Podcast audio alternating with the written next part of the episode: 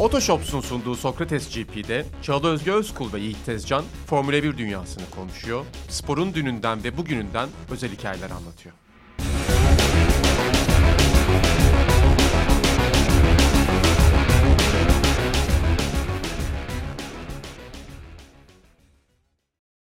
Herkese merhaba. Sokrates Podcast'te yepyeni bir programla başlıyoruz. Sokrates GP'de ben Çağıl Özkul, Yiğit Tezcan'la birlikte sezon boyu sizinle olacağız. Sponsorumuz Otoshops bize destek olacak yıl boyunca. Biraz Formula 1 konuşacağız. Yiğit merhaba. Merhaba. Sokrates GP'ye hoş geldin. Hoş bulduk. Yepyeni programımız. Beraber bir yıl bekliyor bizi. Neler hissediyorsun benimle yayın yapacak olmakta? Yani iyi hissediyorum tabii ki kendimi. İşte hastayım bir de bunu da söyleyeyim şimdiden sorumlu alayım. E, Çağla Özgü Özkul'a bir şey olursa benim suçum. Aynı stüdyoda benimle kayıt alıyor. Covid testim negatif bunu belirtmek istiyorum. Böyle bir risk almış olduk. Ben nezle olduğumu iddia ediyorum. Bakalım. Sonu göreceğiz. Yani testin negatif olduğu için açıkçası rahatım ama daha da önemlisi yani sezonun ilk yarışını da kaçırmak istemedik evet, yapmak başlarken. Istedik. Evet, yapmak aynen istedik. Öyle. Çok da şaşalı bir başlangıç oldu. Dolayısıyla bence Sokrates GP'ye de bu yeni formatımıza da içeriğimize de biz de böyle şaşalı bir giriş yapacağız gibi görünüyor. Öyle görünüyor. Bir de benim kafamın dağılıp saçma sapan şeylerden bahsetmeme engel olacaksın diye bir umudum var. Öyle bir görüntü de var. Çünkü geçen bir canlı yayında şey dediler bana gördüğüm en orijinal yorumlardan birisiydi. Eyvah yine bütün sezon Yiğit'in kafasını toplamaya çalışmasını bekleyeceğiz yazmış biri. Gerçekten öyle oluyor kendi başıma yapmaya çalıştığımda. Yani teknik olarak da her şeyle sen ilgileniyorsun aslında o yayınlarda. Evet. O biraz zorlayan tarafı olabilir işin. Şimdi daha kolay ve daha eğlenceli olacağını düşünüyorum yani. Evet ben de seni rahatlatmaya çalışacağım bu anlamda. Biraz Bahreyn GP konuşarak başlayalım. Sezonu da açtık. Aslında geçen yıldan beri bu yıl neler olabilecek bunun üzerine konuşmaya başlamıştık zaten. E, yepyeni bir çağ, yeni araç. Bunun izlerini de bir şekilde testlerde de görmeye başlamıştık ama belirsiz bir test süreci geçmişti aynı zamanda. O yüzden de ilk yarışı çok önemsiyorduk. Biraz Ferrari'nin iyi olduğu, Red Bull'un iyi geçirdiği test günlerinin ardından Mercedes acaba yine elini göstermiyor mu derken aslında gerçekten de işlerin onlar adına sıkıntılı olduğunu da gördük sezonun e, yılın ilk yarışında. E, Ferrari'nin e, şahane başlangıcı oldu. Red Bull bir anda iki aracıyla beraber aslında yarışı tamamlayamayarak da sıfırla başlamış oldu. Biraz herhalde hikayeyi buradan götüreceğiz ama bence en renkli özellikle de Türkiye'deki Ferrari taraftarlarının da merak ettiği şekilde bu sene o sene mi diyerek başlayalım yani Geçen bence. yıl da bu sene o sene mi demiştik. E, şampiyonluk el değiştirecek bir anlamında. Bu yılda aslında Ferrari için tabii ki böyle bir durum var. Böyle bir heyecan var. Ferrari çok kuvvetli. Bunu daha detaylı konuşuruz ama aslında enteresan olan şey şu. Geçtiğimiz yılın sonundan bu yılı konuşmaya başladık ama hiçbir şey beklediğimiz gibi gitmedi. Bir kere otomobillerin tek tip olacağını birçok uzman söyledi. Hiç öyle olmadı. Herkes farklı çözümlerle gelmiş ve simülasyonda takımların göremediği bu porpoising adında dalgalanma Türkçe yani ne diye çevireceğim artık bilmiyorum çünkü hiçbir çeviri beğenmiyor insanlar haklı olarak tuhaf bir çeviri oluyor. Problemle birlikte çok enteresan bir başlangıç oldu. Ve bu tip durumlar genelde Formula 1'de büyük kural değişikliklerinin büyük sürprizler yaratacağını biz tahmin ederiz. Ve bir sürpriz olduğu da kesin çünkü geçtiğimiz yıl bazı pistlerde önlere gelse de sonuç olarak öndekilerden işte bir saniye yavaş bir otomobil bir anda şu anda griddeki en hızlı otomobil konumunda. Biraz bu purposing ile ilgili konuşalım istersen. Çünkü Formula 1'deki belki yayını sen de görmüşsündür. Böyle bir kaşıkla beraber aslında o araçlardaki sorunun nasıl Al, oluştuğunu. Albert Fabrega anlattı evet. Evet çok da güzel bir videoydu aslında. Ve Biraz da bu purposing olayı duyduğumuz çevirisi konusunda henüz anlaşılamayan konu da yıllar sonra tekrar hayatımıza girmiş gibi görünüyor bu downforce etkisiyle değişen araçlarla beraber. Kimi takımlar, markalar bunu çözebilmiş gibi görünüyor. Kimisi de Mercedes gibi işte özellikle en de dikkat çekeni çözememiş gibi görünüyor hala. Formula 1'de belki sen de izlemişsindir. Bizi dinleyenler de izlemiş olabilirler. Çok da güzel bir video ile anlattılar bunu işte bir kaşık var ona havayı veriyorlar ve işte bu sorunun nasıl kaynaklandı neden kaynaklandığını Bilimi halka getirdi Albert Fabrega. Evet, evet bence işte harika bir şey bu çünkü herkes gerçekten bu kadar detaylı bilmiyor anlamak zorunda değil. Ben de hala biliyorsun ki öğrenme aşamasındayım bazı şeyleri teknik anlamda e, ama izlerken çok net şekilde görebiliyoruz problemi. Bu tip bir anlatımın çok doğru olduğunu düşünüyorum o yüzden. Bazen insanlar çok fazla şey tabii ki fikir yürütmeye çalışıyor Formula 1'le haklı olarak. Çünkü olay çok teknik ve çok detaylı ama bu fikir belirtme her zaman direkt birebir pozitif sonuç veren bir şey olmuyor. Doğruyu bulmak o kadar kolay değil. Olsaydı takımlar hata yapmazdı. Mesela bu dalgalanma problemi McLaren'da kesinlikle yok. Mesela sezonun flash en kötü takımı şu anda. Mercedes'in otomobili buna rağmen hızlı. Yani en hızlı üçüncü otomobil griddeki. O yüzden evet ya biraz basite indirgemek bunlara bakarken iyi oluyor bence. Peki nasıl devam edelim? Yarışa doğru gelelim mi? Araçların aslında ne durumda olduğunu, birbirlerinden farklı olduklarını konuştuk öyle beklemesek de. Bunların sonuçlarını da açıklayabilmek adına en azından ilk izlenimler adına. Biraz çıkan haberleri de konuşuruz. Evet. Hangisi doğru, hangisi yanlış. Çok fazla şey söyleniyor çünkü. Kesinlikle. E, o yüzden istersen yarışa doğru geçelim. Böyle bir kronolojiyle de akıtabiliriz ya da az önce söylediğim gibi istersen Ferrari'nin şaşalı başlangıcıyla da gidebiliriz. Ara ara da yarıştaki o kırılma anlarını belki konuşuruz. Bence Ferrari'den başlayalım. Bence Sen beni toplarsın başlıyor. arkamı. Tamam. Ben çok saparsam bir yerlere gidersem toplarsın. Yani 2007 Raikkonen şampiyonluğu var, 2008 Markar şampiyonluğu var. Çok büyük bir hasret var. Ee, yani 45 yarıştır zafer elde edemiyorlardı. Çok uzun bir süreç kendileri içinde. Ve yeniden hani onları birinci, ikinci görmek ve gerçekten oturaklı bir giriş aynı zamanda. Yani böyle anlık bir başarı gibi de değil. Gayet iyi başladılar. E şimdi testlerde çok iyilerdi. Her hava şartında iki pistte de iyilerdi. Çünkü gündüz attığınız turla öğlen sıcağında Bahreyn'de çok sağ olsun güneş hava sıcaklık pist sıcaklığı üzerine çok etkisi oluyor. Her şartta iyilerdi. Bütün bu testlerle ilgili güç saklıyorlar. İddiası çok böyle yani şüpheyle yaklaşmamız gereken bir şey. Bir pilotlar bir kere otomobil deniyor limitte. İki otomobil limitte deneniyor. Üç motor gücünü açma kapama hikayesi motor da deneniyor. Yani bir yere kadar tabii bir şeylerin üstünü örtüp ideal turu ortaya çıkarmaya çalışıyor olabilirler. Yani bunu saklıyor olabilirler ama bu demek değil ki bir şey göstermeyecekler. Sonuçta geldik Bahreyn'e en hızlı Ferrari'ydi. Benim kişisel gözlemim şu gözle seçtiğim bütün bu konuşmalardan sonra Verstappen'le Leclerc'in turunu seyrettim ben sıralama turunu ve Ferrari kesinlikle daha nimble der yabancılar. Yön değiştirme konusunda daha iyi, daha çevik ve daha sürülebilir bir otomobil gibi göründü bana.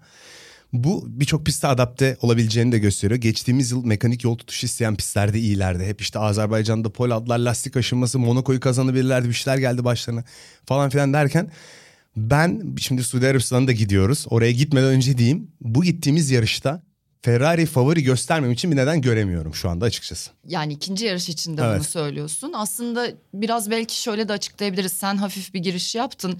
Mekanik tutuş isteyen pistlerdeki Ferrari ve geçen sezondan bu sezonla bir kıyas yapmak adına. Çünkü geçen sezon da aslında yani 2020'ye göre zaten daha iyiydi Ferrari 2021'de bu kesin. E, o kadar karanlık bir sezon geçirmediler ve orada da iyi oldukları yerler vardı. Onu bu sezona da taşıyabiliriz gibi görünüyor şu anda. Hatta daha kuvvetli şekilde.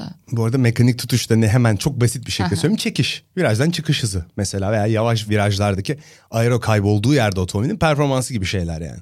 Ferrari'den yine devam edelim. Biraz Leclerc'in performansına da giriş yapalım. Önce şunu sormak istiyorum. Yani arka arkaya o üç tur içinde bize yaşattıkları muazzam bir heyecandı. Bir kere zaten sezona böyle başlamak Formula 1 izleyicisi için aylardır özlediği o performansı görmek önemli. E, ama bir anlamda da işte Ferrari de iyi. Red Bull zaten son şampiyonu çıkarmış marka olarak görünüyor. Mercedes'in sıkıntıları var. Bir Leclerc Verstappen eşleşmesi gördüğümüzde onları yan yana gördüğümüzde Leclerc'in Verstappen'e verdiği mesajı nasıl e, buluyorsun? Ne Yani olarak görüyorsun o, o- mesajı? Meşhur incident olayından beri zaten ikisi çok yakın rakipler. 2019 Avusturya'da bir çekişmeleri olmuştu. Verstappen Leclerc'i pistin dışına atıp yarışı kazanmıştı. İnsanlar bu tutumundan çok şikayet ettiler Verstappen'in. Ama Leclerc en doğrusunu yapıp bir sonraki Silverstone'da iki kere Verstappen'i karşı sert yarışarak yer bırakmayarak yarıştı. Bu yarışta da bir pozisyon konuşuldu. Önüne doğru kapattığı Leclerc'in ve Verstappen'e fren yaptırmak aslında geri çekilmek virajdan zorunda bıraktığı an. İşte çok tartışılıyor ya bu pozisyonlar. Hiçbir Formula 1 pilotu gerçekten birbirine çarparak, yarış dışı bırakarak yarışmak istemez. Ani bir şekilde mental bir savaş bu. Karşı tarafa viraja girmekten vazgeçirebilirsiniz. En amiyane tabirle böyle anlatabilirim. En basit şekilde böyle anlatabilirim. O psikolojik savaşı kazanmış gibi görünüyor ilk yarış itibariyle tabii. Bir anlamda da sonuçta son şampiyonla bir mücadele halindesiniz o anda ama öyle bir baskı hissetmiş gibi de görünmedi. Yani Leclerc'in Bence hazırlanmış. Ferrari evet prensi olarak gösterildiği o hikayenin sanki en güzel devamı gibi şu Bence anda. bütün Hamilton Verstappen vakalarından sonra hazırlanmıştır. Yani Evet. Hamilton hazırlandı biz hep dedik. Şimdi önlere gelemedi. Üçüncü oldu ama işte Red Bull'ların kalması yüzünden Leclerc hazırlanmıştır diye düşünüyorum ben bu olaya. Ee, onun da iyi bir mesaj olduğunu düşünüyorum ben şu anda. Çünkü o da biliyor. Otomobili hızlı testte ve aslında Ferrari bir şey saklayan taraf çıktı. Hani Red Bull'la kafa kafaya dedik yarış temposu daha iyiydi. Ve o kesinlikle onun farkında. Benim bu sene yarış kazanacak bir otomobilim var. rakibim dünya şampiyonu onun otomobili de iyi ve böyle böyle numaralar yapıyor ne yapabilirim gibi. Yarış sonunda da zaten tokalaştılar gördüğün gibi. Evet evet çok güzeldi bu arada. Tabii ki iddia ve bahis yükseldiğinde iki taraf birbirine saldıracak. Yani sonuç olarak bu e, bütün Formula 1 yönetimini baskı altına almaya kadar giden stratejik bir savaşa dönüşüyor Formula 1'deki şampiyonluk mücadeleleri ama genç Ki nesil iki adam. onu yani pistte çok iyi yapıyor. Takımı aslında onu diğer takımlarda olduğu gibi yani Mercedes'in Red Bull'un karşılıklı yaptıklarını da biliyoruz. E, pistte de Verstappen o mücadeleyi zaten çok iyi verebiliyor Evet. onu da gösterdi. Biraz Verstappen'in e, Red Bull'a serzenişlerini de belki konuşabiliriz. İki tane undercut denemesi oldu ama onlardan başarıyla çıkamadı. Bir anlamda da lastiklere çok yüklenmemesini Çıkış de turunda yavaş git dediler, evet. evet yavaş git dediler. E, ona biraz yarış esnasında kızmış gibi görünüyor ama yani çok da yanlış bir strateji gibi de görünmüyor bir yandan da. Şimdi Red Bull daha çok lastik aşınması yaşadı. İkinci stopta işte bu rot kolu falan filan o ayrı bir olay. Yaşadı ufak arıza sıkıntı. Daha çok lastik aşınması yaşamış gibi göründü. Şimdi siz strateji olarak çaresiz kaldığınızda son yarışı düşün. Geçtiğimiz yıl Abu Dhabi ve Perez'in rolünü düşün. Ve Mercedes'in stop yapamamasını çünkü Verstappen'in arkasına düşeceği için lastik alamamasını ve son en sonunda gelinen senaryoyu düşün. Şimdi böyle bir senaryoda Verstappen'in ya ben zaten bu adamın temposuyla baş edemedim. Undercut'ı doğru yapayım önünde kalayım belki bir şeyler olur demesi çok normal. Çünkü yarışmak bugün DRS çağı artık geçiş daha kolay olmasına rağmen yarışmak böyle bir şey. Yani rakibinin önüne geçmek uzun vadede bir fayda sağlamayacak gibi görünse de aslında yapılabilecek kısa vadede en iyi çözüm. Yarışın bütün rengini değiştirebiliyor çünkü. Peki yani böyle yarış sonuna doğru da hızlıca akacağım. Red Bull'lara ne oldu? Yani biz bunu kaydederken aslında bazı haberler çıktı ve bunu hallettik sorunu dediler. Şimdi Suudi Arabistan'da artık yaşamayacağız diyorlar ama neler oldu yani o kadar ani oldu ki Verstappen pitten ikinci üçüncü pitten değil mi? Üçüncü pitten sonra oldu. Çıktıktan sonra önce hidrolikle ilgili bir sorun olduğu gibi bir durum oldu. Perez'de başladı derken yani iki Red Bull aracı da bir anda yarışı tamamlayamayacak duruma geldiler. O ilk sorun şeyden yaşandı. Anladığım kadarıyla pit stop'taki bir hasardan ve arızadan kaynaklanmış. Yani indirirken rot kolu falan filan dediler. Anladığım kadarıyla o direksiyon çubuğu, o şaft işte neyse tam adı Formula 1'deki ondan kaynaklanıyor ve Verstappen'in çok ilginç bir tasviri var.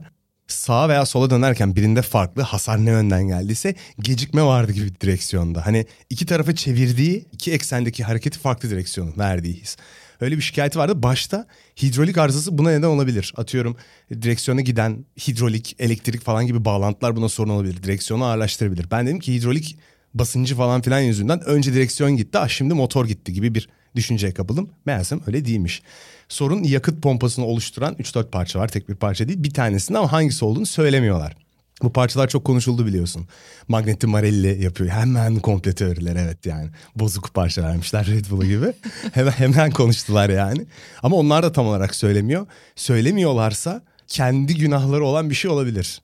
Ya Formula 1 çok tuhaf bir yer çünkü yani. Kendi hataları olan bir şey olabilir diye düşünüyorum. Ben biraz şey bir durum. Ama Alfa Tauri'nin yaşadığı arıza bundan tamamen bağımsız bir şey. Tam onu söyleyecektim çünkü bir anda öyle bir duruma geldik yarış bittikten sonra iki Red Bull üstüne Gasly'nin yaşadıkları yani sanki üçünde beraber yani dört aracın üçünde bir sıkıntı varsa üçü de yarışı tamamlayamadıysa ortak bir sorun varmış Tesadüf gibi göründü yani ama aslında tesadüf. Tesadüf. Bu arada ben şimdi isim vermeyeceğim, kaynak vermeyeceğim motorlara girmişken Ferrari'nin motoru çok konuşuluyor. Bir mühendisle konuştum. Söylemiyorum kaynağımı. Her ne kadar birebir bununla ilgili olmasa da veri analizi yapıyor. Ve dedim ki yani Ferrari motoru 0-3 hızlı gibi böyle bir şey söylenemez Formula 1 hakkında. Bir kere çok karışık. Ne kadar sürtünme oldu otomobilde, otomobilin ayarları, aero vesaire birçok unsur var yani. Sen en iyi motora sahip olup o yarışta düzlükle daha yavaş olabilirsin yani. Daha fazla aero vardır otomobilinde. Şey dedi benim tahminim salt motordan kazandıkları 0-1 civarında. Bunu tam olarak söylemek mümkün değil ama öyle bir şey bir şey hayal edilmesin yani. Hani işte Haas ve Alfa'da hızlandı ya Ferrari büyülü bir motor yaptı. İşte getirin hileli motorları hikayesi gave meme oluyor falan sosyal medyada.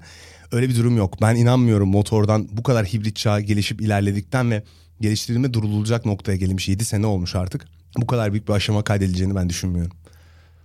Galiba son turdaydı Leclerc'in işte telsizden yaptığı espri muhabbetini duydun mu? Guys the engine feels a bit strange diyor. Herkesi bir an için panikletiyor sonra yarıştan sonra da kendisi de söyledi. O- Sadece şaka yaptım onları biraz panikletmiş olabilirim Şakanın diye. orijinalini biliyor musun? Dönelim biraz geçmişe. 2011 Evet. Perez. Japonya'da yapıyor onu. Mühendis de onunla alay ediyor. Kobayashi işte dördüncü bitirdi diye şaka yapıyor falan filan gibi. E, takım içindeki rahatlığı gösteriyor bu. Ben en başında dedim ya bence bunu biliyorlardı. Testte ne kadar iyi olduklarını biliyorlardı. Bir iki tane demeç verdiler yok biz en hızlı değiliz diye. Ve olası bir dubleye hazırlardı kafaca. Ben öyle düşünüyorum yani. Ben Bilmeme de ihtimalleri aynı yok. fikirdeyim. Yani el göstermeme mevzusunu konuşuyoruz. İyi görünüyorlardı ama daha da iyi bir görüntüye sahiplermiş. Onu biraz saklamışlar gibi. Ama hemen Sainz'e kayalım. Evet yani podyumda ikinciydi. Hemen e, yan yana bitirdiler. Çok da müthiş bir görüntüsü var Ferrari'nin. Ama dedi ki Carlos Sainz Ferrari'de geçirdiğim süre boyunca en kötü hafta sonunu yaşadım. Evet bu akşam ben de herkesle birlikte kutlayacağım ama yarın hemen yapmam gereken şeyler var diye. Kendisi şu an çok rahat değil. Bu şey bir konu, ilginç bir konu. Çünkü geçtiğimiz yıl ben e, Lökler'in Sainz'e çok fazla alan bırakmayacağını, onu sürklase edeceğini düşünmüştüm. Yanılmıştım. Ben de aynı şeyi düşünüyordum ve hatta korkuyordum. Biliyorsun Carlos Sainz'ı da bayağı seviyorum. Ve bence çok iyi bir performans gösterdi. Ya evet ama bu yıl yarışta şimdi şöyle bir enteresanlık vardır. Carlos Sainz genelde geçmişte kendine yaptığı nam yarışta çok hızlıydı. Ama artık tek turda da hızlı. Lökler onu geçtiği sıralama turlarında o Monaco'da işte kaza yaptı falan o ayrı ama hep böyle bir takip ediyorum. Hep bir tık bir ekstra 0-1-0-2 daha buluyor. Bunu gerçekten yapabiliyor yarış pilotları. Yarış temposu içinde Lökler daha iyiydi. O biraz enteresan. Ben 3 atlı bir yarış olacağını düşünmüştüm ama Lökler daha iyiydi yarış temposu içinde. Şimdi o kadar tuhaf bir yer ki Formula 1. Yani gerçekten bu otomobil Lökler'e daha fazla uyuyor olabilir onun sürüş. Çünkü ben dedim ya pole turunu izledim çok rahat. O 5-6 bir tane hızlı sağ sol kompleks var. Otomobili bir fırlatıyor içeri. Arkayı bir rahat düzeltiyor. Tam gaz çıkıp devam ediyor yani. Umrunda değil. Ya çok mutlu belli ki otomobille. Ferrari'nin de ben her zaman için yani böyle bir ikili mücadelede bir tercih yapacağını düşünüyorum. Çünkü tarihsel olarak yapıyorlar. Yapamazsan bu sana yakın bir yarışta pahalıya mal oluyor. İki adam arasında kalırsan eşit desteği verirsen. Sainz'ın hızlı dengelemesi lazım. Mesela bir sonraki yarışı gidip kazanması lazım ki olay dengelensin. Evet zaten daha böyle son açıklamasında da e, bundan bahsetmiş. Hani bizde birinci ve ikinci pilot yok şu anda. Takımda böyle düşünüyor. Ama hani olası bir şampiyonluk durumuna ilerlerken biri diğerinden farkı biraz daha açarsa diğer takım arkadaşı ona destek olarak devam edecektir diye. Kendisi de durumu farkında eşitlemesi İşte mantık gerektiğini- şu her zaman en hızlı olan sezonda toplamda dünya şampiyonu olmuyor başladığımız. Sezonu hızlı başlayan öyle bir öne geçiyor ki takım desteğini ona veriyor. 2009 işte bu Brown'un şampiyon olduğu yıl meşhur sürpriz yıl. Batın şampiyon oldu ama son yarışlarda Barrichello son 8-10 yarış daha iyiydi yani. Ama çok fark vardı çünkü ilk yarışları Batın üst üste kazandı hep. Ondan sonra da yöne alıyor zaten takımda. Aynen Nereye öyle. yön vereceğini seçmiş oluyor zaten Aynen aslında öyle. baştan itibaren. O yüzden de yani Sainz yarış içinde belki biraz daha yaklaşıp hani ilk ikiyi zorlayabilir mi diye düşünürken e, sonrasına baktığımızda rahat olmadığını henüz araçta anlayabildik. Yeni bir kontrat mevzusu var onun da. Eli kulağında herhalde yakında Herkes kontratlarını konuşuyor. Evet, herkes Verstappen'in mega konuşuyor. kontratı var. Sainz'in Evet. kontratı. Perez kontrat şimdi istiyor. Evet Norris İstiyor galiba, 2025 sonuna dek imzalamıştı Lando Norris ama Mercedes önce konuşalım sonra McLaren'ın durumunu da biraz konuşmamız gerekiyor gibi görünüyor. E, Mercedes evet yani hemen podyum gördü Lewis Hamilton bütün bu olanlarla yaşananlarla Red Bull'un veda etmesiyle beraber ama hemen Russell da peşinde. Herhalde aslında tüm spor branşlarında belki şöyle bir şey söyleyebiliriz. Kötüyken de kazanmak yani henüz iyi değilken de orayı hasarsız atlatmak. Bunu başka spor branşlarına da uyarlayabiliriz. Aslında Mercedes'in de yaptığı biraz o oldu.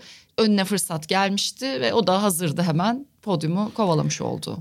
Ve sporla ilgili yine söyleyebileceğim bir şey de her hükümdarlığın, her işte o dynasty dediğimiz şeylerin bir gün bittiği.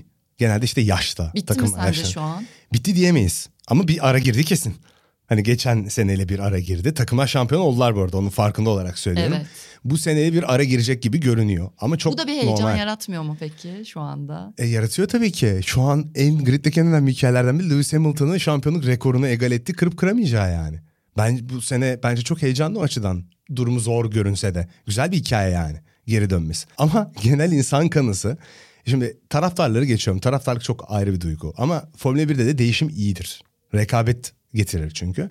Hani genel kanı biraz şey yönünde şu anda tabii. Hani değişim insanları mutlu etmiş gibi. Çünkü pozitif yansıyor spora. İzlenmeler artıyor yani. Bu galiba Sky'da e, Hamilton Verstappen mini belgesel içeriğinde vardı. Toto Wolff söylüyor sanırım Mercedes takım patronu işte. Diyor ki siz sürekli arka arkaya bir şeyleri kazanıyorsanız, başarılıysanız diğer herkes artık sizin kazanmamanızı ister. Tabii ki. E, bu da herhalde zaten spor izleyenlerin doğal reaksiyonu olmuş oluyor işin sonunda. Ya aynen öyle. İşte tepedeki bir tür güç zehirlenmesi de yaşar. Hani tavırlarından, konuşmalarından bile Horner'la Wolf'un kesinlikle Toto Wolff şey yani. böyle daha uzun süre kazanmış. Artık bütün politikayı ve şeyi çözmüş. Hep doğru şeyleri söylüyor. Öbür adam daha hırçın mesela. İşte bu Drive to Survive'da mesela Horner'ın söylediği şeyleri insanlar eleştiriyor şey yapıyor. Beni şaşırtmıyor. Çünkü underdog psikolojisiyle söylüyor. Kendini kanıtlamak zorunda. Öbür taraftaysa herkesin saldırdığı, herkesin eleştirdiği yerini korumaya çalışan bir adam var ve girdikleri psikolojiler, karakterleri ayrı ama aşırı normal yani. Kesinlikle. Bu bu arada evet bu az önce söylediğim hikaye alıntı underdog mevzusu üzerinden geliyordu hatta. Yani herkes underdog'u destekler böyle bir durumda diye. Öyle de oluyor. Öyle oluyor. İnsani bir sporda rekabet görme reaksiyonu. Ama Hamilton adına da F1 tarihinde arka arkaya 16 sezonda en az bir kez podyuma çıkan ilk pilot oldu. Yine 183. podyumu kariyerinde. Bir şekilde zaman zaman çok eleştiriliyor. İşte araç sayesinde başarılı gibi bazı yorumlar da yapılıyor ama Yani çok saçma. çok da öyle görünmüyor gerçekten. Işte. Ya en iyi otomobil, çok iyi bir otomobil lazım dünya şampiyonu olmak için ama çok saçma yani o, o argümanı tartışmak çok zor. Ama şey var şunu söyleyeyim aslında kritik olaylardan birisi Hamilton Russell rekabeti. E, tek turda yakın olmalarını beklediğimiz ve yarışlarda Hamilton'ın ustalığıyla üstünlük kurmasını beklediğimiz bir ikili. Sıralamada çok fark oldu ama Russell'a da ilk turda lastiklerini zorla demişler. Ve bu hiç iyi sonuç vermemiş bir de hata yapıyor zaten. Yani sıralamada aralarında oluşan gerçekçi bir fark değil. Onu söyleyeyim. Yarışta da ama Hamilton öndeydi ama yakınlardı. Hani tempo olarak kıyaslanabilir tempoları. Bir an var soğuk lastiklerle sert hamurla Hamilton'ın piste çıkıp şey yaptı. Otomobili düzeltmek zorunda kaldı. Hiç Hamilton'ı hiç uzun süredir görmemiştim. Çünkü adamın ustalığı giriş ve çıkış turları zaten. Ve lastikleri kullanabilmesi her şartta. Enteresan yani. Hani Mercedes zaten mutlu bir otomobil değil. Şimdi düzlükte şöyle bir şey var. Otomobilleri izliyorsun ya Ferrari, Red Bull. Oturdu mu kıvılcımlar çıkartarak gidiyor. Mercedes iniyor kalkıyor devamlı. Bu bir tasarım bir aksaklık olduğunu gösteriyor. Craig Scarborough galiba. Scars, Scarbs herkesin çok sevdiği, çok tatlı çok güzel anlatıyor her şeyi. Süspansiyonla ilgili bir probleme ben başta yok demiştim ama o ona işaret etmeye başladı. Bu inanılmaz karışık bir konu analizini yapmak yani mümkün değil. Ama taban iki tabanla geldiler oradan çözmeye çalışıyorlar falan filan. Hani yavaş yavaş bu yapısal bir problemi işaret etmeye doğru gidiyor gibi. Bir yarış iki yarış daha bu böyle sürerse elde ciddi bir problem var demek yani. Ve kaybedebilirsiniz o zaman sezonu işte. Ben Mercedes'in bir noktada geri döneceğini, yarış kazanacağını düşünüyorum. Ben ama yetecek mi? O üçlüye katıl oluşturacak ama ilk baştaki kayıpları sonunda mesela belki geçen hafta sonu çok fazla şey değiştirdi. Red Bull'un yarış dışı kalması belki bir şans da onlar için yani. Kesinlikle. Sezonun kalanı için. Yani çünkü geçen sezonda bize bunu gösterdi. Her şey bu kadar başa baş gittiğinde bir yarışta neler yaşanmış olduğu e, çok hayıflanmaya doğru gidebilir Red Bull'un sıfırla çıkmış olması böyle bir E, yarıştan. Sezon sonu çok kritik olabilir tabii Evet. o puanlar. Çünkü artık günümüz Formula 1'inde de yarış dışı kalarak puan kaybetmek gidip yani sende kafanı duvara vurma ihtiyacı uyandırıyor. Çünkü 2000'deki bir yarışta zaten 10 otomobil yarışı bitiriyordu. 22 otomobilden 20 otomobilden gridde kaç varsa.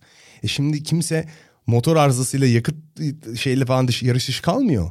Ve bu o yüzden çok kritik. Kesinlikle yani. Peki buradan şöyle bir McLaren'ın üzücü halini de konuşalım istersen. Ben hep bunu daha önce Serhan Acar'la da yayında da konuştuk. Yani Norris geçen sezona başlarken aslında üstünde biraz bir baskı vardı. Çünkü kontratı bitecekti sezon sonunda ve bir şekilde çok iyi anlaştığı gibi göründü. Carlos Sainz ayrılmış yerine Ricardo gelmişti. Daha tecrübeli işte Grand Prix kazanmış yedi kez bir pilotla beraber aynı takım paylaşacaktı. O baskı Norris üstünde bence işe yaradı gibi göründü ve e, iyi bir sezon geçirdi Bütün kendisi potansiyelini bireysel anlamda. çıkardı. Potansiyelini, Bütün potansiyelini ortaya çıkardı. O çıkardı, baskı aynen. belki de. Aynen öyle. Kimisinde böyle çalışır çünkü motivasyon için baskı daha iyidir. Ve Ricardo'yu çok zor duruma soktu. Kesinlikle. Kariyeri açısından ben hiçbir sezonuna bakmıyorum. Bundan sonra kariyeri açısından. Ki bu sezon şimdi daha da işleri sıkıntıya sokabilir kendisi için. Çünkü araçla da ilgili problemler daha farklı. Hem geçen sezonda tam alışamamıştı. Ama Norris geçen sezonu bu kadar iyi geçirdikten sonra yılı şu anda McLaren'ın sıkıntıları üzerinden devam edersek çok iç karartıcı, enseyi karartmış daha doğrusu açıklamalar yapıyor. Durumu sanki düzelemeyebileceğine dair. E, Sky'da bağlandı galiba haberler gibi bir şey bağlanmış yani böyle canlı yayına aero eksik. Aero'dan kaybediyoruz viraj hızından kaybediyoruz gibi bir şey söylemiş. Yani ben çok şaşırdım performanslarına. Testte fren soğutma problemi gibi bir şey yaşamışlardı. Yine yaşadıkları o da söyleniyor. O da bir olasılık. Ama ben bayağı gerçekten şaşırdım. Ama bu çağ yeni olduğu için bu dönem cidden ilk 3-4 yarış bir durup o kadar emin olmamak lazım. Sakin sakin. İlk başta çok hızlı sıçramalar gelebilir çünkü. Evrek anı gerçekten öyle oluyor. Çok komplike bir şey yaratıyorsunuz. Almanlar için hep söylerler. Müthiş otomobiller yapıp kapı kolu koymayı unuturlar gibi bir şey vardır yani. Çok basit bir tasarım hatası yapıyorsunuz ve o kadar adam gerçekten göremiyor Çal. 250 kişi göremiyor bakıp yani. 300 kişi fabrikada kim uğraşıyorsa. İlk 3-4 yarışta temkinli olmakta fayda var. Ama yani, harbiden kötü durum. Çünkü bu onların fırsatıydı. Yıllarca Formula 1'de kazanmış büyük takımlardan birisi ve bir spor otomobil üreticisi. Çok büyük bir marka yani. Ve çağ değişmiş. Ferrari öne geldi. McLaren kendini en geriye attı bir şekilde. Aynı durum Aston Martin için de geçerli Evet burada. onlar adına da sıkıntı var. Çok kötü geçirdiler. Orta sıraların yıldızı Haas'la ilgili konuşalım mı biraz da? Yani Evet. geçirdikleri o e, çok zor sezonun ardından ki bu sezon aslında bütçe yatırımını da yapmak üzere zaten yola çıkmışlardı. Ama yapabilecekler miydi diye bakıyorduk. Öyle de oldu. Bütün sezon sabrettiler bu sezonu. bekleyip, evet. Gerçekten öyle. Orayı yaktılar yani bile bile. Ama çok da iyi başladılar. E, Yani neler düşünüyorsunuz zaten daha tecrübeli bir pilota geçişi oldu yaşanan olaylardan sonra. Mazepin gitti, Kevin Magnussen geldi ve gerçekten müthiş bir sonuç aldı. Kimse Mazepin'i konuşmuyor şu an bu arada. Evet, tabii. Fark ettin mi hiç? Yani bir ara bir mağdur oldu mu diye konuşuldu. Şimdi başarı gelince adam unutuldu. Bu arada geçen Mazepin'i gördüm. Konudan çok sapmadan söyleyeceğim. İlginç bir olay. Gördüm derken nerede gördüm? Şeyde gördüm YouTube'da. Ha yok arkadaşım değil canım. Öyle gibi oldu. Aman yani yok. Şey o sorumlu alamayacağım şu anda zaten. YouTube'da gördüm böyle eski sporcular mağdur edilen ve spordan spor dışı nedenlerle uzaklaştırılan sporcularla ilgili bir dernek açıyormuş. Onlara para falan verecekmiş.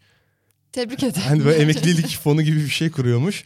Ve böyle şey bir ifadeyle konuşuyordu yani. Şimdi adamla alay etmek için değil mi? Böyle öfkeli bir şekilde konuşuyor. Bu arada bu yani Mazepin'in uzaklaştırılmasından sonra önce Ural Kale hemen gelmişti. Mazepin üstüne karar çıktı. Bu bahsettiğin muhabbet hemen akabinde duyuldu. Yani çıktı bunun haberi yapacağını. Yani ne ara bunu düşündünüz hemen hayata geçiriyorsunuz. Bence çok sinirlenmekte haklı bu arada Evet adam. tabii ki sporcu açısından. Çünkü spordan bağımsız bir öyle. olay.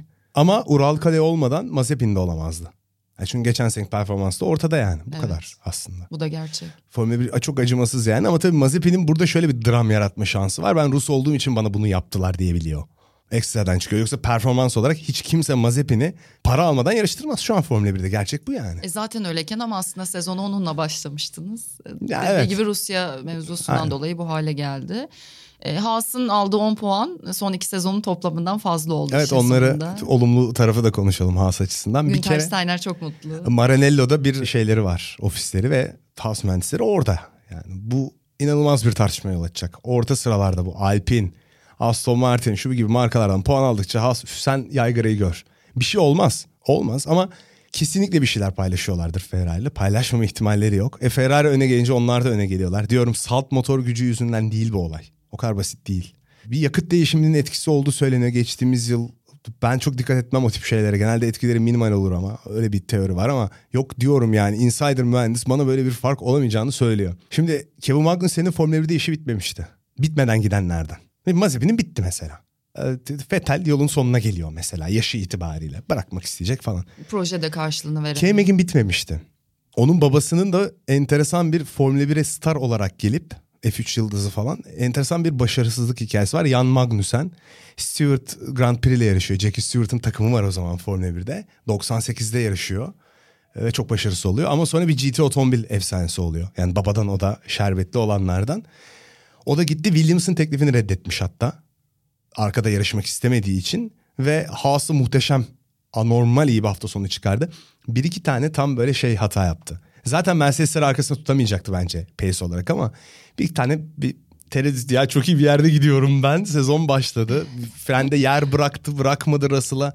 Geç beni dedi geçemedi falan gibi şeyler yaptı. Bence şey de riske atmak istemedi.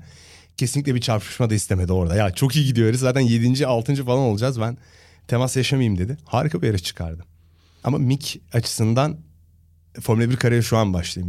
Mick'le ilgili sorular şu an başlıyor. Başlıyor. Yeni göreceğiz ve belki daha doğru Çok iyi bir takım arkadaşıyla eşleşiyor ama dünya şampiyonu olacak biri ise K-Mag'i hadi bu sene olmadı. Seneye de devam ederse bir noktada yenmek zorunda yani. Evet. Hemen e, Bottas'a kayayım. Yarıştan önce aslında sıralamalarda yine Q3'e kalarak e, o seriyi 102 yarışa çıkardı kendi kariyeri açısından da. Altıncı cebi aldı. Güzel. Her şey iyi ama startta iyi değildi. Zaten bir sorun da yaşamışlar. Bu konuşuldu da sonrasında. Kronik bir debriyaj sorunuymuş galiba. Ondan sonra ama bir şekilde toparladılar ve Alfa Romeo için de 2020 Imola'dan beri ilk kez iki araçla puan aldıkları bir yarış geride kaldı. Guan Yu açısından da çok önemli. O da sonra yarıştan sonra F1'in yayınına katılıyor. Orada da Oscar Piastri var. Tebrik ediyorlar birbirlerini. Aslında hani Drew geldiği zaman da bayağı tartışılmıştı Piastri adı da Ama iyi geçiyordu yarıştı. vesaire. Bu arada yarış temposu İyi Bottas'a bayağı yakındı. Gözyaşlarıyla bitirdi aslında. Bayağı Çok iyi yarıştı. Puan yani. alarak bitirdi. Onu, yani ilk yarışını. onu çok konuşmadık ama çok iyi yarıştı. Evet. Yarış temposu bayağı iyiydi. Bir de Bottas'a startta şey olmuş. Bu debriyaj titreme probleminden sonra arka lastik sardığı için aşırı ısınıyor. Turun kalanında da yer kaybetmeye devam etti Bottas. Yani ilk virajı 4 sıra kaybedip girdi. Sonra çıkamıyor virajlardan otomobil. 4 sıra daha kaybetti gibi bir durum oldu. Mahvolabilirdi yarışa bak çok basit bir şey yüzünden. Evet. İşte safety car falan filan girdi zamanlaması şu bu derken. Ama Ju'nun da Ju diye okunuyor değil mi? Evet. Guan Yu Guan Ju gibi. Ju, Evet. okey. Ben Ju diye okuyayım. CJ gibi. Yani hep öyle gördüm. Ju. izlediğim yayınlarda. Ben de böyle duydum. Niyeyse hala bir tuhaf geliyor. Ju yarış temposu çok iyiydi. Ben çok şaşırdım. Bu arada harbiden Formula 1 işte enteresan bir yer ya. Hiç belli olmuyor yani. İşte Mazepin'i şimdi yollarken şimdi çocuğa da benzer bir bakışla biz yaklaştık. Yaşı da var, 25 yaşında falan olması lazım. Çok küçük değil o. Galiba Uzun bakayım hemen. uzun da bir kariyer olması lazım. Ama hani Grand Prix 2'den gelen star adaylarından birisi olarak görülmüyordu yani. E, Bir yandan da baktım 23'üne girecek 30 Mayıs'ta Guan Yu. 23 diyelim E tabii artık canım. olmuş artık. 17 yaşına gelmişti Verstappen'e canım. Artık büyük bu Evet. yaşlar yani. O çok iyi performans verdi bence. Şaşırtıcı olan oydu. Yine bir başka Ferrari motorlu takım olması tabii ki soru işareti yaratıyor. Onların tasarımı da sidepod tasarımı, kenar tasarımına baktığında en az komplike olan takımdı. Hani işte giren kanallar yok, üstte farklı eğimler yok. Havayı yönlendirmeye çalışıyorlar onlar. Oradan aşağı ve dışarı doğru genelde ve arkaya giden havayı da düzenliyorlar. En düz olan takım Alfa'ydı. En basit tasarım baktığımda ben tabii ki basit değil ama gözle en basit olan da Alfa bu arada. Görsel olarak tamam estetik, estetik açıdan soruyorum. Hangi aracı en çok beğeniyorsun? Ya Ferrari çok güzel. Biraz da magazin değil. Ferrari çok güzel. ben de Ferrari diyorum ilk. Ferrari Hemen. güzel. Alfa da hoş. Bu Ben sade olanları da güzel. seviyorum. Yani sade sidepod, o yan tasarımı seviyorum. kamuflajla çıkması inanılmazdı gerçekten. O hep yapılır ama. Evet hani evet. Yeni otomobil Ama test kör ederken. edici bir durumdu. Neyse altından güzel bir şey çıktı. İlk testte de hiçbir şey yapamadılar. Sürekli arıza Evet, yaşıyorlar evet. falan. Ben Alfa ve Bottas'ın iyi olacağını tahmin etmiştim. Hemen tüyoyu da vereyim nasıl yapılıyor diye. Bu takım sorun yaşıyor. Piste çıkamıyor otomobile. Yarım yamalak bir şeyler yapıyorlar. Sonra inanılmaz fazla değişiklikle birlikte yeni piste gelip sert hamurla çok hızlı bir tur attılar. Ben dedim ki ya bunlar otomobil test edemeden bile bu kadar hızlı gidiyorsa hızlı olurlar dedim. Aslında teknik analiz detayın hepsinin ötesinde böyle bir şey var. Yani böyle küçük ipuçlarıyla çok daha basitleştirerek bazı sonuçlara varabiliyorsun yani. Lastikleyince aklıma geldi. Bunu konuşmadan geçmeyelim bence. İki pit stratejisinin tamamen çöp oldu. Üç pitle geçen ki bence izleyiciler açısından gayet güzel. Bunları görmek yani risk artıyor işte. Yarışta bir şeyler değişebiliyor pit oldukça. Onlarla ilgili neler düşünüyorsun? İlk pite giren Hamilton oldu. Sertlerle de böyle bir şaşkınlık topladı aslında ama. Evet. Ve zorlandı da otomobilde. Evet. Yine insider bilgi. Heh. Quote alıntı veriyorum tırnak içinde. Bence Pirelli de ne yaptığını bilmiyor şeklinde bir şey söylendi bana. Çünkü siz dedim ya iki pit stop diye her yerde okudum ben niye üç pit stop. Beklemiyorduk dediler. Bu yine ismini veremeyeceğimiz bir kaynaktan. Veremeyeceğimiz kaynak, Tırnak evet. içinde geldi ama. Ve iki pit stop beklerken işte dediğim gibi üç pit stop yapılıyor. Lastikler zaten bu otomobil tasarımında da lastik yanağının ne kadar esnediği bütün bu dalgalanma, porpoising probleminde de en büyük bilinmez bu. Bu lastik denen şeyi simülasyonda da yapamıyorlar düzgün. Simülasyonda da gerçeğe benzemiyor deniyor. Takımlar da bence bunun gerçeğini yapamıyorlar. Bu en büyük bilinmez. Asfalta çıktığında değişen sıcaklık, asfaltın yapısı, üstüne gelen çakılı, şuydu buydu, binen yük, aşınma hızı, nasıl gittiği, aşınma eğrisi vesaire yok. Bunu yok. Yani yıllardır motorsporların tek soru işareti bu kaldı. En çok sürpriz oradan geliyor çünkü. Çok ilginç. Muhakkak hesaplıyorlar ama tam olarak hesaplayamıyorsunuz yani. Şu anki veriler de az yani lastikler değiştiği için, e, jantlar büyüdüğü için bir yandan da işte lastik battaniyelerin ısısı azaltıldığı için aslında bu veriler belki biraz çoğalınca biraz daha işe yarar sonuçlar çıkabilir ama 58 pit Ben- yapıldı. Rakibi olmadığı için her zaman şunu düşünüyorum. Pirelli az bile eleştiriliyor. İlk Formula 1 Pirelli ile silik lastikleri geçtiğinde sürekli patlayan lastikler dönemi vardı. Ve sürekli değil mi bir, bir şey yanlış gidiyor yani Pirelli ile Bir ilgili. Sen de fark ediyorsun. var değil mi? Evet fark ediyorsun. az. Performans düşük yani. Çok enteresan. Ha 3 pit stop bizim için çok zevkli miydi? Zevkliydi. Rakibi olsa Pirelli'nin ki bence yine en zevkli dönemlerinden yakın dönemde Michelin Bristol rekabeti. Bristol sürklase ettikten sonra Goodyear çıkıyor. Bristol devralıyor sonra Michelin en zevkli şeylerden biriydi. Yani o kadar güzel tartışma, teknik gelişme okurduk ki lastikle ilgili cidden çok zevkliydi yani. Şunu da konuşalım. Başta işte yeni çağdaki bu değişimlerden biraz bahsettik. İlk yarış geride kaldıktan sonra da o değişimlerin sonucunu ne kadar hissettik? Bence ona da bir bakalım. Aslında işte 2021 Bahreyn'de 75 geçiş yapılmış. Bu yarışta da 77. Yani bunda çok büyük bir fark yok. Dramatik bir fark görmüyoruz aslında ama bu yeni araçların şimdilik gözlendiği kadarıyla geçişi değil ama takibi kolaylaştırdığı Aynen öyle. görüldü değil mi? Yakın yarışma duygusu yaratıyor. Virajda arkasına yaklaşabiliyor. Geçiş zaten daha fazla kolaylaşmasın. Bu şey değil yani. NBA maçında üçlük atma hikayesine benziyor yavaş yavaş. Şu kadar geçiş olması değil, geçişlerin güzel olması, rekabetin güzel olması ve yakın yarışılabilmesi. Bizim yakın yarışma dediğimiz şey daha mümkün zaten bütün tasarım. Arkaya atılan kirli havayı değiştirip arkadan takibi kolaylaştırmak üzerineydi yani.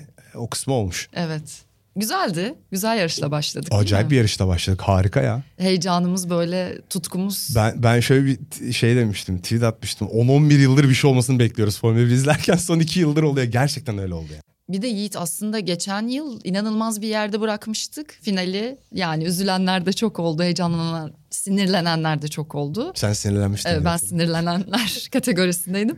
Ve Bu sefer de acayip bir yerden aldık başlangıcı yani çok da güzeldi ama şu sinirlendiğimiz kısma dönelim ya da üzerine çok konuştuğumuz. E, Sadece şunu bir kez daha söylemek isterim.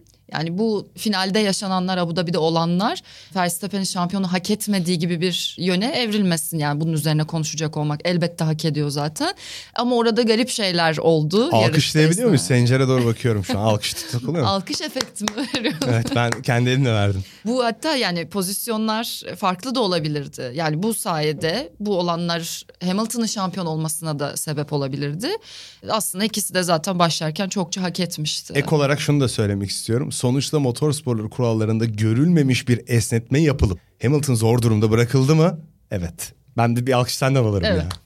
Böyle yani bu iş böyle. Özeti Siyah beyaz değil gri yani. gri. Evet. Ve griyi de çok iyi kullanıyorlar bu arada. Kesinlikle. sporda. Kesinlikle. Bunu ben çok ilginç bir yere bağlayabilirim. Birazdan bunları konuşacaktık diye tahmin ediyorum ama önce şunu söyleyeyim. Red Bull'da o yarışta bir tur erkenden normal prosedürü uygulayıp otomobilleri turlarını geri aldırmadı diye Masi'nin üstüne çökebilirdi. Masi orada bir hatalı karar, iki hatalı karar, üç her şey hatalı yapmaya başladı üst üste. Hani bir hata bir hataya Öyledir düzeltmez zaten deriz o. ya. Evet. Silsile halinde gider. Öyle bir duruma gitti. Ve sanıyorum Mercedes'in de Ve bu arada da başlamadı Yiğit aslında sezonun başından itibaren yani bizim o konuşmaları duymamız takım patronlarıyla Michael Massey'nin o konuşmalar üzerindeki baskı mail attık sana bak demeleri vesaire aslında bu finali hazırladı ve o baskı yönetilebilir gibi değil bence bir yerden sonra. İnsanlar şey unutuyorlar. Şimdi Charlie Whiting romantizmi yapıyorlar rahmetli. Ben çok severim yani Formula 1'de iz var. Çok skandal ve hatalı kararları var tarihte. Yani Masi ilk değil. Yani bu ölçekte belki yok son yarış ama Charlie Whiting olsa bu olmazdı demek hayır. Kim olsa o olur. Formula 1'de illa biz görürüz hatta ama bu çok dramatik oldu tabii. Evet. Çok yani çünkü diğer otomobiller durdu geçemediler bir tek hani şey gibi yapıldı. Elle yapılmış gibi görünmesi buradaki problem. Bu yarışta e, güvenlik aracı esnasında ESPN tweet attı işte. E, Bütün araçlar diye olu da büyük harflerle yazmışlar işte yerini geri alacak diye. O eni cars bir- değişti madde olarak evet. Evet. Onu kullandılar. Finale de bir gönderme gibi Motorsporlar aslında. Üzücü hakemliği, yani. Ben görünce motorsporlar inan- hakemliği zor bir şey ama. Çok zor yani. O kadar zor ki Michael Massey görevinden alındı adeta. O öyle kadar zor ki aynen öyle. Ondan sonra yani önce görevden alındı. Sonra bu yarış gerçekleşti. Biz yıla başladık aslında. Ondan sonra da bütün bu soruşturmaların e, sonucu açıklandı ve aslında insani bir hataya geldi. Yani biraz suç tamamen İnsani Michael bir hata zaten evet. atıldı gibi bir durum var ama işte biraz da onu hazırlıyor mu aslında durum? Onu da tartışmak lazım belki. Bütün bu motor sporları kültürü şeyi içinde Masi hatalıydı evet. Kendini günah keçisi olabilecek bir pozisyonda soktu diye düşünüyorum ben. Ben baskı altında kaldın ama yine özgür iradesiyle karar verdiğini düşünüyorum. Bir art niyet olduğunu düşünmüyorum. Formula 1 dünyada her şey için geçerli. Herkesin işine geleni söylediği bir yer. Bazen işine gelince Toto Wolff mesela yarışma fanı oluyor. Bazen Allah. kural fanı oluyor. Bazen Horner yarışma fanı oluyor. Bazen o kural fanı. Kim işine gelirse ne gelirse onu söyle. O meşhur It's a motor race mi, car race mi bir şey diyor ya Toto Wolff. Hani biraz alay eder gibi aslında.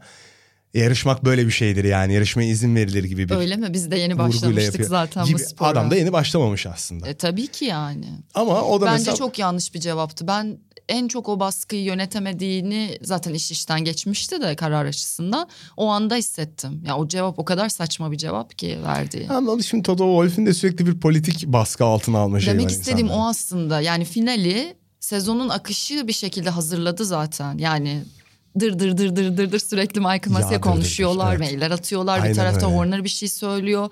Ve onlar da aslında işini o anlamda iyi yapmış oluyorlar baktığında. Çünkü görevleri Herkes biraz da bu. ediyor. Ama zordu. Yani sonuç olarak bütün araçların turunu geri almasına izin vermemekle ve hemen o turda güvenlik aracını dışarı çıkarma kararı verdiği için Michael Massey'nin hatalı olduğu bir sonuca ulaştık. Ama Formula 1'in doğası bu. Ben hayatım boyunca Formula 1 bu kadar dışarı açılmadan önce de bu kadar sosyal medya işte Drive to Survive vesaire olmadan önce de hiçbir pilotun takım arkadaşına yavaş gidip ya ben çok kötü bir tur attım dediğini duymadım. Otomobilde şu yanlış. Bu kimse hatasını kabul etmez Formula 1'de. Hep şöyle olsaydı varsayımlar. Herhalde çok fazla şeyden kaynaklanıyor. Nasıl diyeyim sana artık ben çok egoist bir cidden çok şey insanlar kendini beğenmiş insanlar olduklarını düşünüyorum Formula 1'de olan insanlar. Ya bu zengin sporu bu arada. Çok büyük markaların olduğu ve royalty yani. Burada böyle kabarmış böyle Narsizm mi var diyorsun? Tabii canım eril zaten üstünde bir de şey var. Aristokratik bir erillik var anladın mı? Yani böyle çok acayip bir şey ve şimdi halka açılıyor. Herkes her şeyi duyuyor. İyice tuhaf oldu yani. Ne beklediğimizi de iyi bilmemiz lazım aslında. Belki de fazla şeyler bekleniyor. Sen hep dersin ya bu insanlar pure racer yani. Evet. Ve onun getirdiği insani zaafları da var hepsinin. Evet. Egoyla da ilgili ya da işte gerektiğinde kaza yapmaktan kaçmamakla da Şumer ilgili. mesela buna çok iyi bir örnek yani. Biraz da seninle Drive to Survive'la ilgili bence konuşalım. Hafif de atışırız Allah. gibime geliyor. Çünkü Tabii, farklı kesin. görüşlere sahip olduğumuzu gözlerinden anlar gibiyim şu anda. Evet sen ne düşünüyorsun sen başla. Ya dürüst mü olacağım? Neden bu kadar sinirlisin? Bu Ya bir kere sinirli karşı? olma sebebimle ilgili öz eleştiri yapayım. İşte bu bütün bu yine tırnak içinde pure safkan yarış sevmekten kaynaklanan bir sinir. Çünkü bir şey anlatmaya da çalışıyorum ya ben. O yanlış anlatılıyor. Bu kadar basit. Yani aslında burada gayet egoist bencilliğine belki narsist diyebileceğimiz bir hareket var. Evet yani elitist aslında benim sinirim. Ancak onun ötesinde kısa bir özet geçeyim hemen. Prodüksiyon kalitesi çok yüksek. Eldeki imkanlar çok yüksek belli ki. Ama gerçekten bazı diyaloglar çok aptalca. Hani akış, narratif, anlatıda bir hata var yani. Harbiden kötü ya daha iyisi yapılabilir.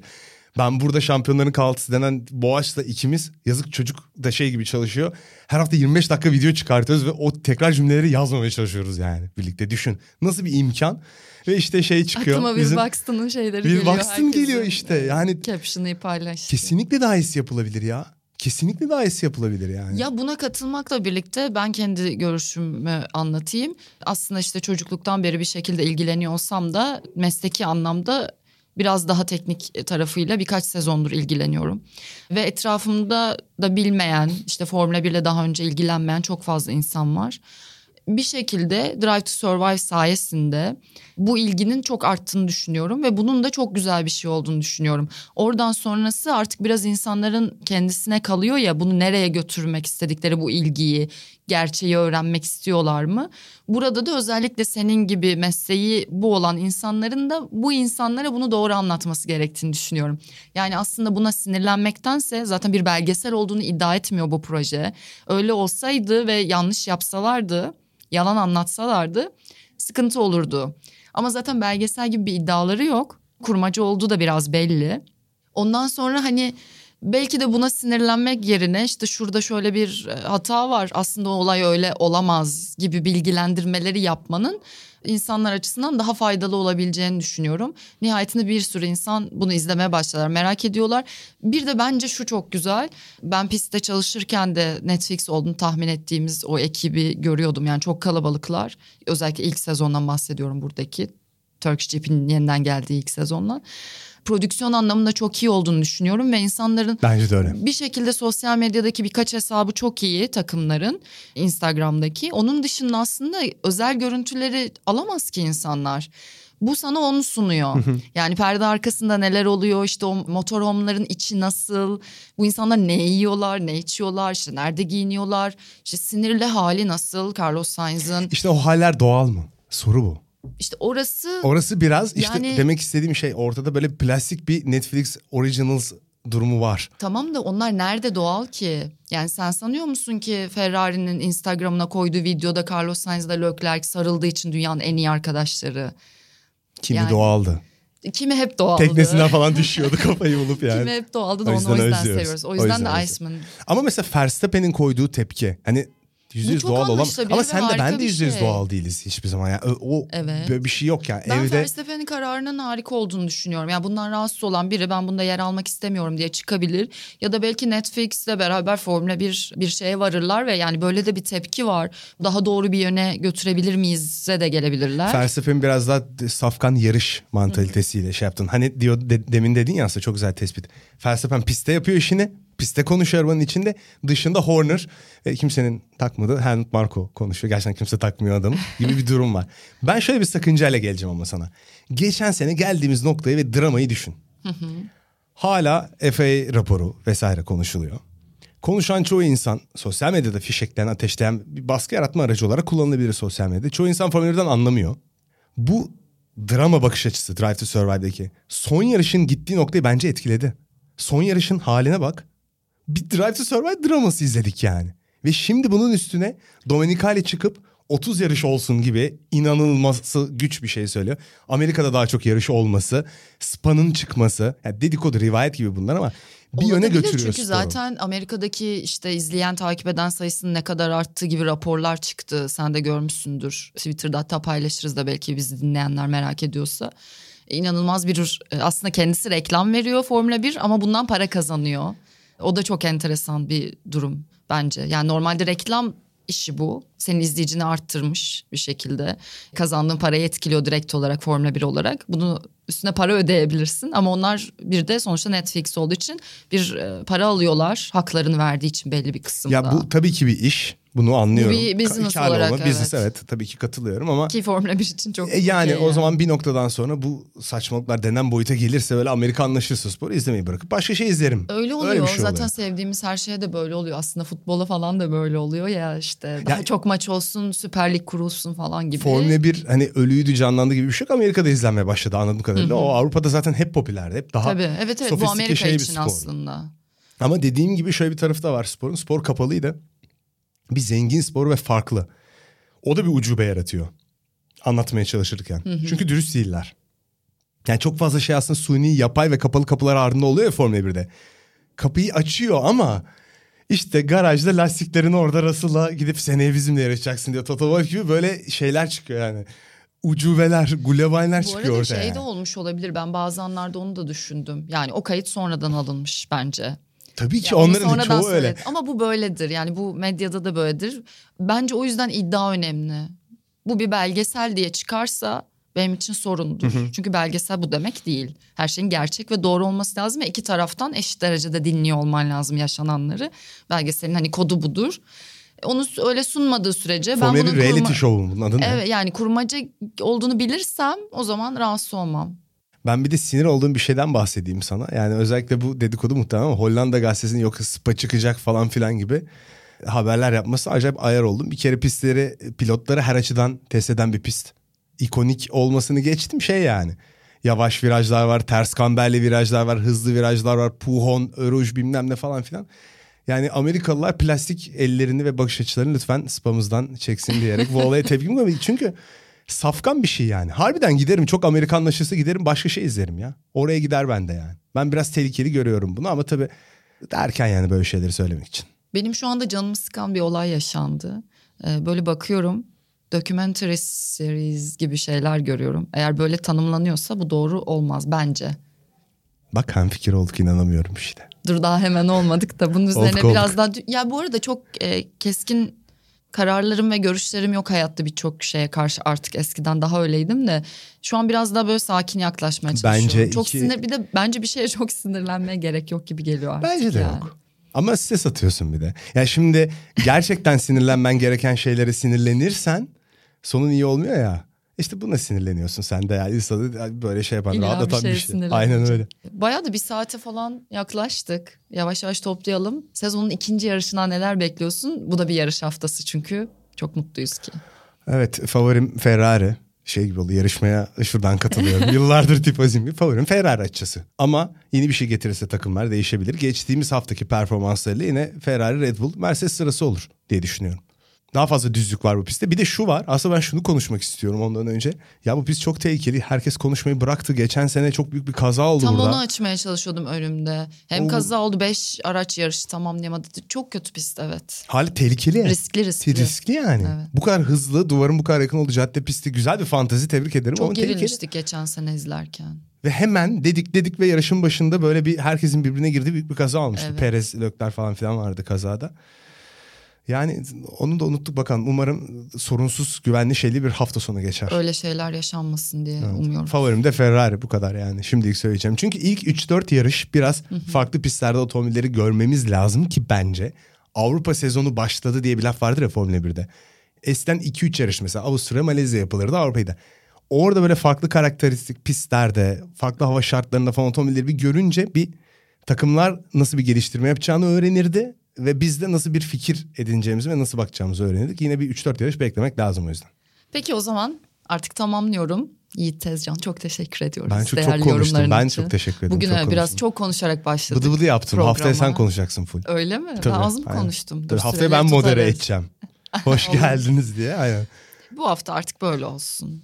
Çok teşekkür ediyoruz bizi dinlediğiniz için. Sokrates GP programımızla beraber Sokrates Podcast'te sezon boyunca sizinle birlikte olacağız. Otoshops sponsorumuz onlara da tekrar teşekkür ediyoruz. Yılı birlikte geçireceğiz. Aynı zamanda programda ara sıra da böyle özel dosyalar yapmayı da planlıyoruz. Biraz Formula 1'in böyle pist dışına çıktığımız e, paddock'ta neler yaşandığını irdelediğimiz, belki özel Tarihine hayatlarına belki baktığımız, gittiğimiz. belki tarihine Çok ilginç gittiğimiz hikayeler var evet. biraz magazinle ara ara daldığımız öyle dosyalar yapmayı da planlıyoruz. Yıl boyunca birlikte oluruz diye umuyoruz. Teşekkür ediyoruz dinlediğiniz için. Görüşmek üzere. Görüşmek üzere.